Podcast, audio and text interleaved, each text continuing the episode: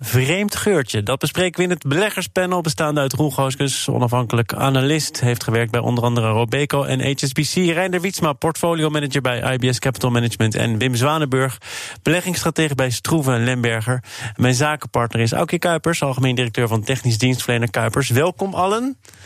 Laten we beginnen, traditiegetrouw, met jullie eigen laatste transactie, Roel. Ja, dat is toevallig, want het, het onderwerp op de agenda staat ook. Maar in december had ik met een vriendje besproken. Het was zo'n mooi beursjaar geweest. Wat gaan we nou kopen wat het nog heel slecht heeft gedaan... om eens te bewijzen dat, echt, dat je echt alles geld kunt verdienen. Internet gaan zoeken en heb ik gedacht... weet je, we kopen gewoon aandelen, nip, een paar voor de gein. Het was een, het was een beetje een... Beetje een soort kerstborrelachtige, lacherige omgeving. Dus ik heb 3000 aandeeltjes NIBC gekocht op 7,20 euro toen. Uiteindelijk heb ik, had ik ook afgesproken, voor het eind van het jaar moet afgerond zijn, maar dit is wel rommel. Dus ik ga het niet aanhouden. Dus uiteindelijk heb ik het verkocht op 7,50 euro of zoiets. Heb ik 750 euro verdiend op die aandelen. En heb afscheid genomen. Dus was een, transactie met 3% of 4% winst. Allemaal goed, maar Daarna word je natuurlijk achterhaald door de feiten in januari, februari. Als blijkt dat die koers maar omhoog en omhoog gaat. Dan, dan heeft mij toen wel verbaasd. Want het ging elke dag omhoog.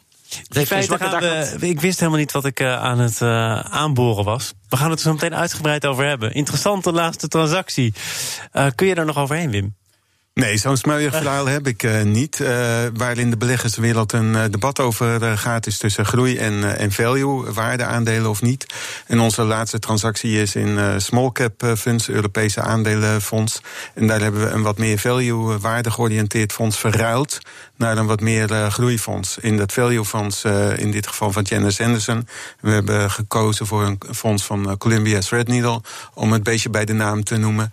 In het fonds van Janus Anderson voerde ook uh, financials uh, en banken de boventoon. En uh, ja, daar zien, we toch wat minder goede vooruitzichten voor. Als je in financials belegt, moet je het eigenlijk in de fintechs, in de payment-industrie doen. In de agency bijvoorbeeld, of in de dataleveranciers of consultancy business. En niet echt in de banken bijvoorbeeld. Maar wat zijn de contouren van dat debat? Wat zeg jij tussen. Nou, dat we toch echt kijken naar wat meer groei georiënteerde beleggingen waardebeleggingen, dat noemen we soms ook wel. Uh, daar zit absoluut af en toe echt wel waarde in. Maar pas op voor de value trap. Veel van die uh, echt goedkoop gewaardeerde aandelen, die zijn toch wel gevoelig voor de cyclus cyclisch. Of daar zitten veel financials in met hele matige groeivooruitzichten. En ja, dan heb je ook nog het fenomeen van disruptie. Hè, technologische innovatie, wat de verhoudingen in de bedrijfstak onder, onder druk zet of op, zelfs op zijn kop zet. Waar de, zeg maar, de, de eruit, eruit wordt gesneden. En dan, uh, ja, als business model in gevaar komt, dan zit je echt uh, in zo'n valkuil, de value trap. Reinder, wat is jouw of jullie laatste transactie? Uh, onze laatste transactie, en dank voor het bruggetje, is een financial. maar dan een financial die, die wat meer ook in de datahoek zit. Dat is ah. Intercontinental Exchange. Dat is een Amerikaanse beursuitbater. Onder andere bekend ook omdat ze eigenaar zijn van de New York Stock Exchange. Wat je bij die beurzen zag vroeger dat het heel transactionele business was. Maar ze zijn nu tegenwoordig alleen maar data aan het verkopen. Ja. Dus meer dan de helft van die omzet komt ook uit datafeeds.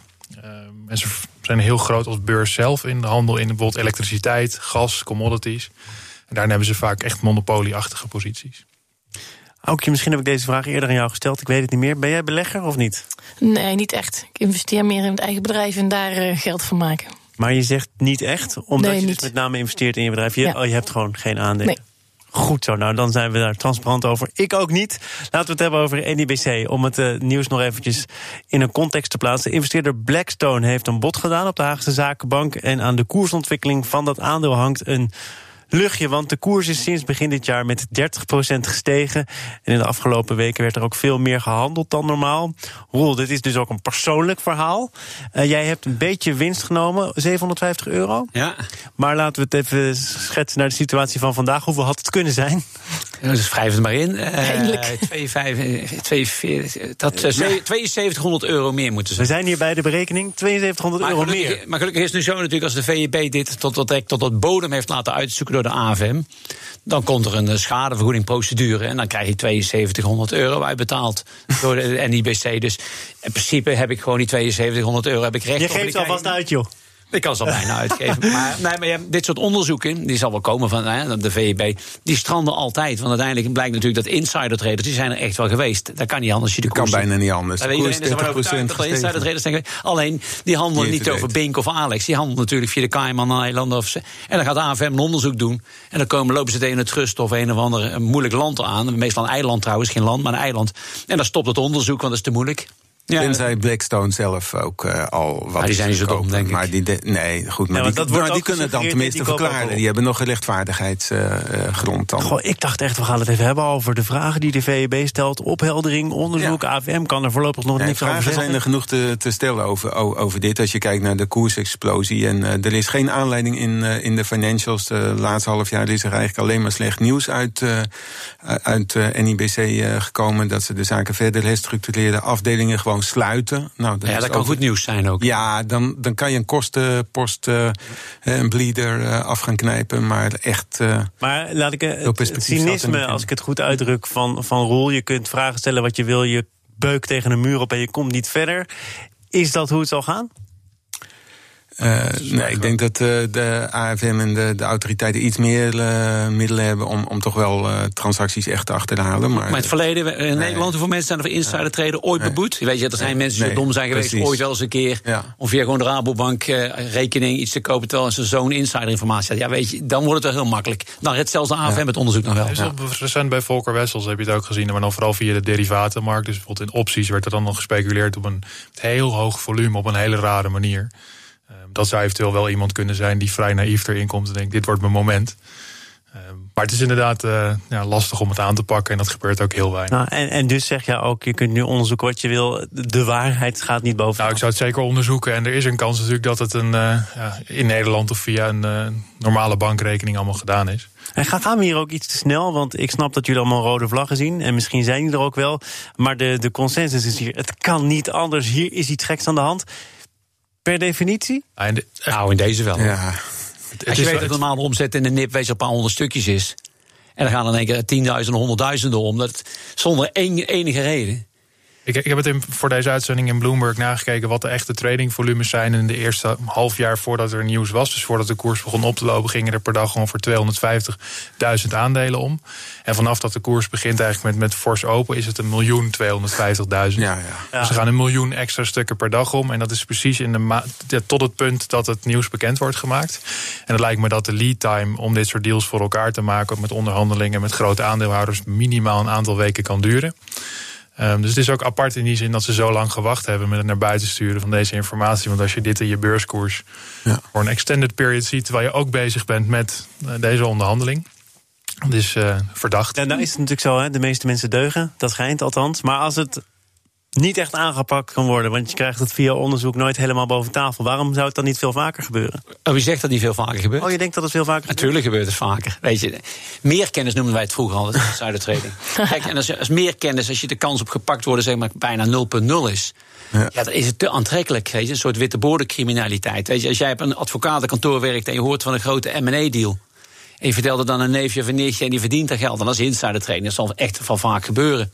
En grootschalig ook nog wel, denk ik. Maar het de bewijslast is enorm moeilijk. Er zit toch inderdaad een hele kring eh, van adviseurs om een, eh, om een transactie. En uh, ja, dan hoeft maar een pizza besteller binnen te komen en iets te zien. Zo nou, is nou, het ooit met IBM een voorkenniszaak aan het licht ik denk gekomen. Dat de pizza, pizza doet, maar gewoon die adviseurs zelf. De pizza heeft geen geld Nee, nee, nee, maar goed. maar Wim, er is één beroemde case. Wat Roel zegt eigenlijk. ja. gebeurt veel vaker. Nou ja, uh, het, het wordt ook wel veel beter dan vroeger in de gaten uh, gehouden. Ja, dus, en dan? Dan hou je het in de gaten? Nou ja, dan uh, ja, scherm je ook wel een deel van de markt af. Probeer te voorkomen. Maar ja, je weet nooit de unknown unknowns. Vergeet ja. je moet toch een bewijs als AFM dat als die transacties zijn vastgesteld, wie er gekocht heeft, hè, die dan zeg maar nooit aandelen nip heeft gehad en dan een miljoen heeft gekocht op een dag. Dan moet er vervolgens de AFM gaan bewijzen dat die persoon echt meer kennis heeft gehad. Nou, laat hij dan als toevallig bij het advocatenkantoor werken... waar die transactie is besproken. Dan moet je ook nog gaan bewijzen als AFM dat hij aan tafel heeft gezeten. Als hij daar aan tafel heeft gezeten, dat hij het ook nog gehoord heeft... en dat hij ook nog zeker wist dat het bot tegen 85... en daar, daar strandt het dus ergens met een slimme advocaat. En dan heeft, het is heel moeilijk vast te stellen en te bewijzen. Dus je kunt de schijn... Ik zou gewoon de namen bekendmaken van iedereen die groter al heeft gehandeld dan gemiddeld in die tijd. Dan maar name en shame. Dit is in ieder geval duidelijk dat jij niet meer voorkennis schandelt. nee, nee, jij bent niet meer verdacht. Inzicht nou, ja, voorkennis. Het was natuurlijk om op tijd te verkopen. Dat ik niet meer ze gaan natuurlijk vanaf 1 januari kijken. Dat was ik weg. en zo kwam er overigens na twee jaar, als de deal doorgaat, weer een einde aan NIBC op de beurs. Dat is wel een hele korte termijn. Eh, heeft het dan nog zin? Heeft het uh, blijvende indruk gemaakt? De, de beursgang van NIBC? Ja? Nee, totaal niet. Uh, het is ook een kleine bank geweest, een beetje een uh, ja, eenzaam bestaan met weinig volume op de alternatief, of tenminste niet eens in de hoofdindex lang. Ja. Dus, uh... Nee, bij ons valt het niet echt in, uh, in de sfeer van, uh, van de vaste belangstelling. Er zijn wel eens wat adviesklanten die naar zoiets informeren, maar daar houdt het mee op. het was overigens de tweede beursgang van NIBC. ja, het is nogal een grillig bestaan van die ja. bank ooit van de beurs gehaald door de Nederlandse pensioenfondsen. Nou, en dan twee jaar geleden weer geïntroduceerd. En we gaan ons nu afvragen, ja, wat kan je eigenlijk met zo'n kleine bank? Nou, eerste antwoord op die vraag. Ja, nou goed, ze hebben een interessante hypotheekportefeuille. Zegt ook wel iets. de marge toch, ondanks de hele lage rente, is, is toch al fors op Nederlandse hypotheken. En daar heeft zo'n private equity financier als Blackstone toch ook wel belangstelling voor. Ja, de, de, een mondiale huisbaas eigenlijk, hè? de grootste mondiale mondiale woningportefeuille. Wereldwijd dus. Ja, ja. En uh, eh, NIBC is als eerste, geloof ik, onder de 1% rente voor hypotheekrente gegaan, geloof ik ook nog eens. Dus misschien dat ze elkaar daar enigszins kunnen versterken. We gaan naar een bedrijf dat ook versterking kan gebruiken. Zaken doen.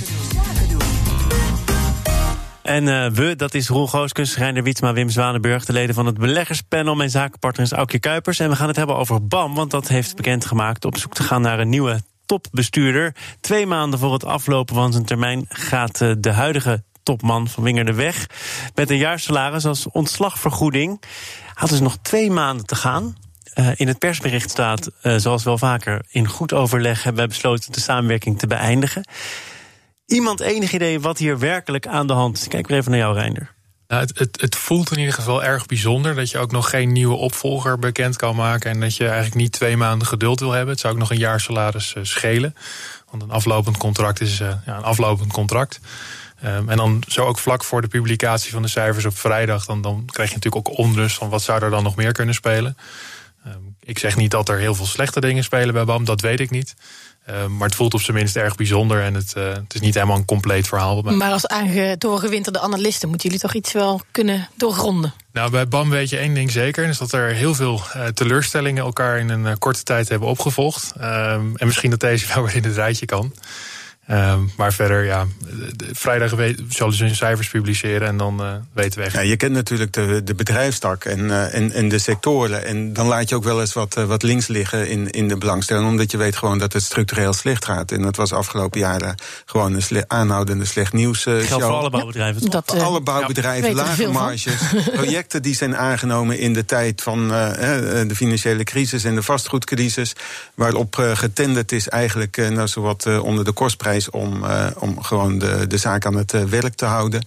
Projecten die tegenvallers hebben, de zeesluis, nu weer een andere sluis in, uh, in, in Duitsland. En sowieso hè, de, de vooruitzichten voor bouwondernemingen met PFAS, stikstof, met alle procedures, de bouwmarkt die vastzit. Ja, ik hou me hard vast. En dan is de vraag natuurlijk wat op het konto te schrijven is van een topman, topbestuurder. En wat te maken heeft met de competitie tussen die bouwbedrijven, veranderende regelgeving, een crisis die er overheen komt. Het, het, is net als voetbal, hè? Uiteindelijk, weet je. de, de, CEO, nou, is, de CEO is de trainer, hè? die wordt eruit gezet. Ja, de trainer kan af en toe toch wat rechtzetten. Dat zie je bij Feyenoord met dikke advocaten. Ja, maar, nieuwe trainer. Maar ja, in dit geval wordt bij uh, BAM toch wel om een visionair gevraagd. Hè? Want ze zitten in Ierland, in de UK, in Duitsland, in Nederland, in België. Waar gaan ze de komende uh, jaren de nadruk op leggen? Gaan ze nog herstructureren? Als je het aan de ingenieurs intern overlaat, ja, die zien allerlei mooie technische projecten en uitdagingen. En met goed recht. Want die uitdagingen zijn er wel. Als technische man kijk je daar anders naar. Maar we, kunnen het over, over voetbal hebben. Dit is paniekvoetbal. Want toch nog even tussen naar het moment. Vrijdag komen de cijfers. Nu maak je bekend dat je topman vertrekt. Die uh, geef je een ontslagvergoeding. Waarom zou je dat doen? Twee maanden voor het verstrijken van zijn termijn. Nou, om duidelijkheid te brengen. Ik heb probleem is anders, wanneer moet je het doen? Wanneer doe je het dan? Op de vergadering zelf kan ook niet. Want als je een opvolger hebt. Juist, die dacht ik ook weer. Ja, maar ja, die hadden ze blijkbaar niet. Maar het probleem is, anders moet je wachten tot de vergadering. Over twee maanden misschien wel dan. Nou ja, maar het probleem is, dan moet je wachten tot de vergadering. En dan heb je hem ook niet. Dus op een of andere manier hebben ze besloten, we maken het maar bekend twee maanden. En misschien is het ook de juridisch, hè. Twee maanden van tevoren een opzegtermijn moest je opgezegd worden. Er werd natuurlijk al veel langer met de Raad van Commissarissen over de opvolging of uh, de continuering. Uh, Kijk, voor slechte resultaat hoeft hij niet ontslagen te worden. Want als iedereen kunnen ontslaan de laatste 25 jaar bij BAM, weet je, dat is helemaal geen probleem. Er heeft daar nooit iemand goed gewerkt. Man die het bedrijf wel al heel lang kent, die er lang gewerkt heeft. Die ook overigens volgens mij eind vorig jaar nog heeft gezegd: ik sta open voor een volgende termijn. Het is wel pijnlijk natuurlijk. Het uh, is zeker zonder meer pijnlijk. Uh, het is altijd uh, gezichtsverlies. En ja.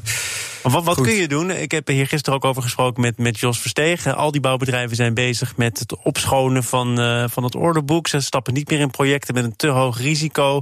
De verhouding tussen opdrachtgever en opdrachtnemer, daar moet over gesproken worden. Moet in een dialoog plaatsvinden. Niks nieuws. Buiten, buitengewoon gecompliceerd. En altijd discussie over meer en minder werk bij projecten. En het risico bij, uh, bij, bij de aannemer. Als, als belegger, ja, ik moet zeggen dat ik daar op als lange termijn georiënteerde belegger toch liefst bij wegblijf, bouwbedrijven. Het is wel een moeilijk maar, verdienmodel, inderdaad. Ja. Mits je niet meegaat met ontwikkelingen die er zijn. En u gaf net ook al aan, hè, terwijl projecten onder de kostprijs aannemen. Ja. dat is natuurlijk lange termijn niet houdbaar. Dat is niet houdbaar. En notabene ook de overheid die zich uh, in, in de handen wrijft. Hè. Uh, verschillende overheidsorganen, gemeenten, waterschappen, provincies, uh, Rijksoverheid bij infrastructuurprojecten. Maar ja, je moet ook iemand hebben die het uit kan voeren. En precies, maar daar zit die samenwerking natuurlijk met opdrachtgever en opdrachtnemer zit er nadrukkelijk in. Ik wil nog even wel een opmerking nuanceren die net aan mijn linkerhand werd eh, er zijn veel problemen geweest bij BAM, maar dat, dat is natuurlijk ook uh, niet helemaal waar. Uh, in die zin is het eigenlijk een kwalitatief goed bedrijf. Alleen je zou kunnen afvragen welke keuzes maken om bepaalde producten te doen. Nou ja, ja beleggen kan ik me er iets bij voorstellen. Maar dat ja, geeft ook wel die, en wat geeft jou, die strijd jij, jij kent de sector op een hele andere manier natuurlijk. Maar jij zegt BAM is een kwalitatief goed bedrijf. Ja, anders dan andere grote bouwers? We werken, nou, er zijn gewoon goede mensen, maar het zijn dezelfde, dezelfde mensen allemaal. Je hard voor, voor het vak. Maar de vraag is even: ga je mee inderdaad nog bij opdrachtgevers die jou eh, onder de kostprijs laten werken? Ja, daar hebben wij van gezegd, dat gaan we gewoon echt niet meer doen. Er zijn in Nederland 10.000 bouwbedrijven, dan maakt het gewoon een zieke business. Weet je, dus, kijk, je verdient heel veel geld als je uniek bent en je bent een monopolist. In de bouwbusiness is één ding waar je zeker nooit bent. Je bent nooit monopolist. We zijn altijd meebieders. En hè, de Europese aanbesteding is elk project wordt eigenlijk uitgevoerd tegen bijna kostprijs. Tenzij de leuke kleine projectjes doen toevallig tien huizen weg. Goed, BAM zit internationaal, dus die heeft niet alleen de druk van Nederland. Die heeft overal de Europese druk. Ja. De Europese aanbesteding geldt overal. Dat is waar. En Europese. ingenieurs die ook waarschijnlijk, zeg ik dan altijd, zo nooit Viagra nodig hebben. Want die kunnen altijd die maquettes zien van die mooie sluis die ze gaan bouwen. Weet je, daar zijn ze zes maanden opgewonden van. Maar die aandeelhouder die moet daarvoor betalen voor die opwinding. Is er, is, er, is er een moment denkbaar als er iets gebeurt waardoor jullie ook weer zeggen: die bouw vinden we toch interessant? Nou ja, als we het gratis weggeven, dan eh, zou ik er best een keer mee willen Nee, als er een consolidatieslag komt, waarbij de, de, de, de bouwbedrijven de prijzen gaan bepalen. Nou, daar zijn we voor het eerste 100 jaar nog niet aan toe. Het probleem is gewoon echt het businessmodel dat je 7,5 miljard omzet maakt en verwachte winst is 75 miljoen. Dus als er ook maar iets misgaat, dan heb je gewoon geen buffer. En omdat je wel een heel duur huishouding... Als je kijkt naar de winstmarges, die zijn echt flinterdun. Dus uh, ze komen potentieel toch, uh, toch in de verliezen. Ik zou dan eerder kijken naar de toeleveranciers. Uh, en, en ja, misschien niet van installateurs die deelprojecten uitvoeren. Maar niet naar de grote bouwconcerns die voor een totaalproject verantwoordelijk zijn. Tot slot nog even naar een land in mineur. Althans, als je kijkt naar de laatste economische cijfers. Want de Japanse economie kreeg het laatste kwartaal van 2019 een flinke tik. 1,6 procent eraf. Dat gaat met flinke slokken tegelijk. Is dat iets om, eh, om echt uh, zorgen over te maken, Wim? Nou, ik blijf al langere tijd weg uit, uh, uit uh, Japan, eerlijk gezegd, ja, vanwege de structurele de kenmerken. Japan? Ja, ja, Japan zit er niet in. Terwijl er wel een paar goede ondernemingen zitten in, in Japan. Hè. Kijk onder andere naar de industriële uh, robotics firms enzovoort. En Toyota is een, een, niet te veronachtzame autoproducent... die ook de shift gaat maken naar electric vehicles enzovoort. Die er niet laat Maar ze hebben veel dochterondernemingen in China... Dat eh, speelt ook mee. Uh, het toeristische bezoek en het vreemdelingenbezoek vanuit uh, Japan komt een heel groot gedeelte ook uit China, uit Azië. Het krijgt klap na klap. De, deze cijfers zijn voor de goede orde nog ja, van, van het vierde kwartaal. Nou, een, een lage rentepolitiek van de centrale bank die daar eigenlijk niet werkt. Centrale bank die eigenlijk aandelen koopt omdat ze intern ook niks meer kopen. Het enige voordeel is nog weer dat ze zeg maar de schuld die de overheid heeft uitstaan en die is mega, staat bij de eigen gepensioneerden uh, uit. En dat was ook de reden waarom het in het vierde kwartaal terug is gevallen. De overheid moest wel wat doen, namelijk de belastingen verhogen. En dat heeft de, de consumptie en ook de investeringen voor onder druk gezet. BTW-verhoging. Ja. Inderdaad. Zijn er nog mensen die zeggen: als Wim wegblijft, dan stap ik erin? Japan? Dat is altijd natuurlijk. Kijk, nou, als er in Japan zijn natuurlijk, vast, zijn natuurlijk vast wel je bedrijven te vinden die ontsnappen aan dit. Weet je. Er zijn ook wel bedrijfstakken die het wel goed doen en die gewoon wereldwijd opereren. Weet je. Als je een, een domestic retailer hebt en dat is het slecht hebben daar. En als je huizenbouwer bent in Japan zul je ook niet veel geld verdienen, denk ik. Maar er zijn natuurlijk genoeg bedrijven in Japan. Je hebt lang genoeg in het vak gezeten. Japan zou de wereld gaan veroveren. Hè? Nou, ja. 20, 30 jaar geleden. Sommige bedrijven hebben het ook wel gedaan. Nee, ik zeg al, specifiek robotics, hè? Daar, daar Japan een, een, een voorloper. niet, Toyota is nog steeds de grootste autoproducent ter wereld. Ik bedoel, dat is, eh, zolang het duurt zeg je dan, maar... Uh, nou, het hele economische groeiverhaal van Japan staat permanent onder druk, omdat ze gewoon een enorm krimpende bevolking hebben. Dus op, op het hele jaar 2019 groeide de economie met 0,8 procent uit mijn hoofd. Het is ook niet zo erg als de bevolking niet stijgt, maar krimpt, toch? Nee, dan nou verdeel je die economische groei toch ook onder minder mensen? Precies, dus per Japanner uh, ben je er beter af dan dat je hele hoge economische groei hebt gehad, maar ook meer Japanners. Dus het is aan zichzelf, ja, het is relatief. Uh, nou, omdat er ook wel eens wordt gesproken over een doemscenario dat Europa Japan achterna gaat voor Japan Japanerisering? Dat, gaat, dat gebeurt ook, want de beroepsbevolking in Europa krimpt op dit moment enorm. In Italië begint het al heel hard te gaan. Duitsland, Nederland gaan er ook hm. achteraan. En dat betekent gewoon dat de hoge groeicijfers die ook Amerika nu nog kan rapporteren, dat we die niet gaan halen. Want we hebben gewoon de mensen niet om dat te doen. Nou, ze hebben altijd ook immigratie uh, tegengehouden. En de aanvulling op de arbeidsmarkt. Dus uh, zelfs in de zorg moeten nu robotten worden ingezet. Nou, het is altijd okay. weer opbeurend zo'n panel. Dankjewel, Roel Rooskus, die heel rijk had kunnen worden. Ja, maar nou, misschien ben je het nog.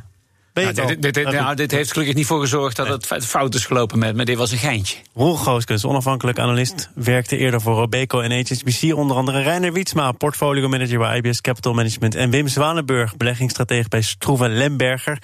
Mijn zakenpartner was Aukje Kuipers. Tot een volgende keer. Tenminste, als je het ziet zitten. Ja hoor. Mooi zo. Morgen dan eh, zie ik het ook wel weer zitten. Dan is er een nieuwe uitzending van BNR Zaken doen met Menno Gele, commercieel directeur van het beursgenoteerde Ajax. Dat allemaal morgen. Zometeen eerst Nieuwsroom, dat is onze dagelijkse podcast van het FD en BNR, gepresenteerd door Mark Beekhuis. Veel plezier daarmee en tot morgen.